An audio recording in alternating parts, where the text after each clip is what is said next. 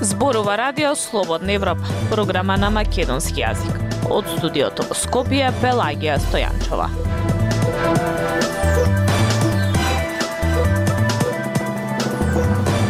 Во денешната емисија на Радио Слободна Европа објавуваме Северна Македонија има историска шанса да каже да на преговорите за Европската унија за вашите деца, порача преседателот на Европскиот совет Шарл Мишел.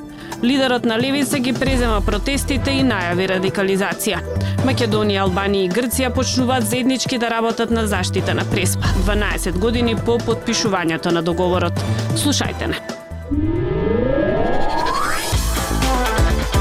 Независни вести и анализи за иднината на Македонија. На Радио Слободна Европа и слободнаевропа.мк.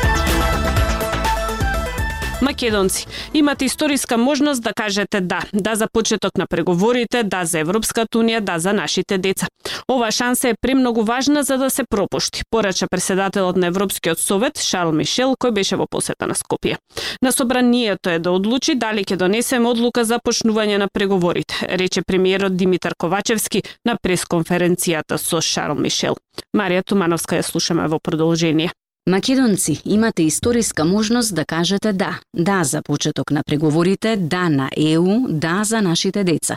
Вашата земја има можност уште еднаш да стане првак во проширувањето. Тоа ќе внесе нова динамика и нови реформи кои ќе ве приближат до Европската Унија, а ќе доведе и до поголем просперитет. Изјави председателот на Европскиот совет Чарл Мишел, кој денеска престојува во Скопје.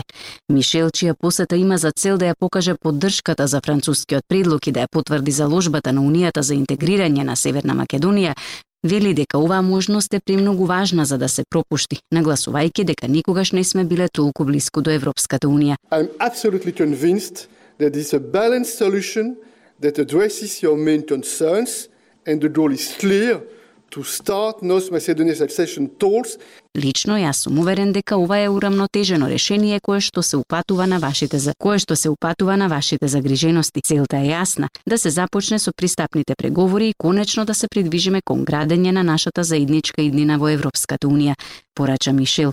Свесни сме вели тој за загриженоста на некои луѓе во врска со вашиот национален идентитет. And importantly, this proposal clearly refers to the Macedonian language without qualification by the EU Macedonian language is your language and the proposal respects that. Со овој предлог јасно дискутираме за македонскиот јазик. Тоа е ваш јазик и предлогот го почитува тоа. Целото европско законодавство ќе биде преведено на македонски јазик, рече Мишел. Премиерот Димитар Ковачевски пак го повтори познатиот став на владата дека се работи за историска можност и за предлог кој ги штити националните интереси и македонските позиции и ставови. Во одговор на новинарско прашање вели дека собранието е местото каде што политичките партии треба да разговараат откако ќе заврши консултативниот процес на кој се презентира предлогот. Откако владата ќе ги добие заклучоците од собранието, официјално ќе достави одговор до Европската унија. На собранието е да одлучи дали ќе донесеме одлука да ги отпочнеме преговорите? И со какви заклучоци? И за тоа треба да разговараат представниците на политичките партии, тоа се искусни членови на парламентот.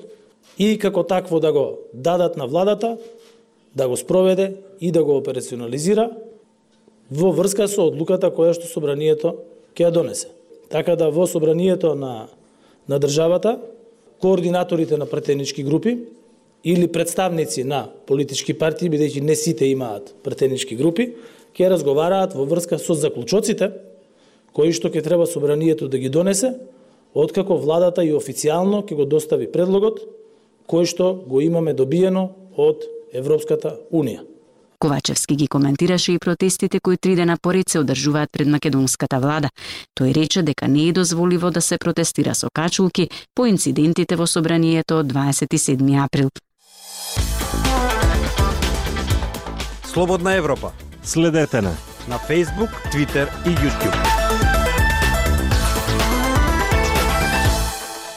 Лидерот на Левица Димитар Апасиев на третиот ден од протестите против францускиот предлог го презеде протестот и со подржувачите на партијата урна огради пред владата и собранието и гаѓаа со јајца. Тој најави радикализација на протестите. Аналитичари за Радио Слободна Европа велат дека може да дојде до радикализација, оти националните чувства се иритирани. Зорана Гадовска Спасовска јајца и тоалетна хартија за почеток на протестите под мотото Ултиматум не благодарам, а може и некои пожестоки радикални методи, најави лидерот на опозицијската левица Димитар Апасиев за протестите против францускиот предлог за отстранување на бугарското вето за почеток на пристапните преговори со Европската унија. Политичкиот аналитичар Сефер Селими од Демократски лаб вели дека левица со преземањето на лидерството на протестите ќе ќари политички поени на сметка на опозицијската ВМРО ДПМН. Левица веќе подолго време кокетира конфронтира со радикални елементи во општеството. И тука подразбирам дека оние зателни групи ги имат а, и радикалните леви сили, но и а, многу чисто и јасно а, кокетират и со радикални етнонационалистички елементи во опозицијата. Каде еден дел во минатото било ајде да кажеме традиционално гласачко тело на ВМРО ДПМН.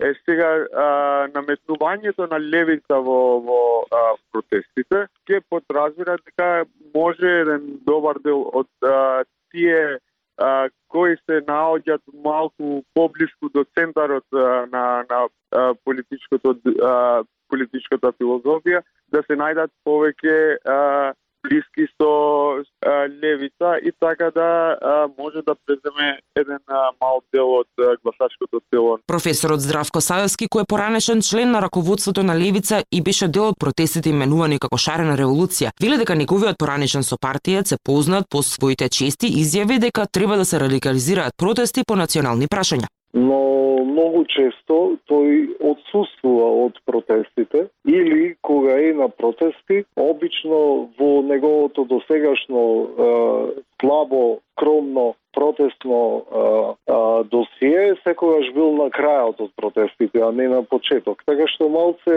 се вика хушкање кога некој повикува на радикализација, а при тоа после го нема никаде на протестите, што треба малку да ги загрижи неговите поддржувачи. Селими објаснува дека борбата или надпреварот меѓу Левица и ВМРО ДПМН се случува во делот на тие неопределени гласачи кои имаат поконзервативни радикални ставови во однос на националните и етничките прашања. ВМРО ДПМН е најголемата опозицијска партија која и те како има обврска и одговорност кон а, државата и процесите и нивното делување како а, си, во синхрон или а, како рефлексија на левица а, не е одговорно однесување. Савевски пак смета дека Левица сега наспроти името се однесува како десна радикална партија која добива поени на основа на национални прашања, во која главни подржувачи се разочарани членови на ВМРО ДПМН. На само два месеци по руската инвазија врз Украина во април годинова, а Пасиев ја уствари првата официјална средба со рускиот амбасадор во земјава Сергеј Пазнанкин. Власта во неколку наврати до сега ја обвини јавно Левица и незиниот лидер Пасиев за ширење на проруско влијание во земјава.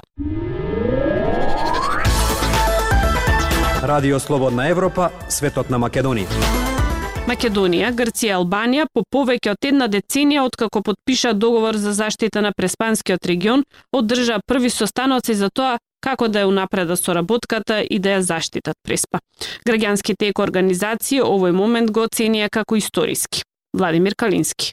Првите два состаноци трите држави ги отржаа во информативниот центар Пили во Грција на брегот на Малото Преспанско езеро, каде беа усвоени неколку документи, воспоставување на секретаријат за Комитетот за управување со Преспа парк, во кој имаат членови од Македонија, Грција и Албанија, а направен е и договор за начинот на кој ќе управува секретаријатот.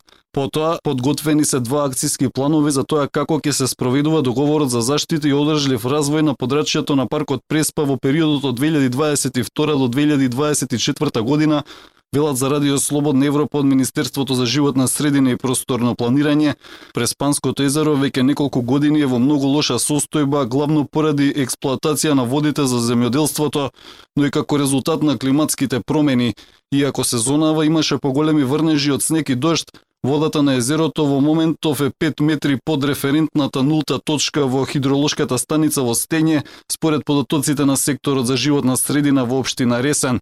Од Министерството за животна средина и просторно планирање велат дека на средбите било дискутирано за еколошката состојба на Преспанското езеро, но и за повлекувањето на водата.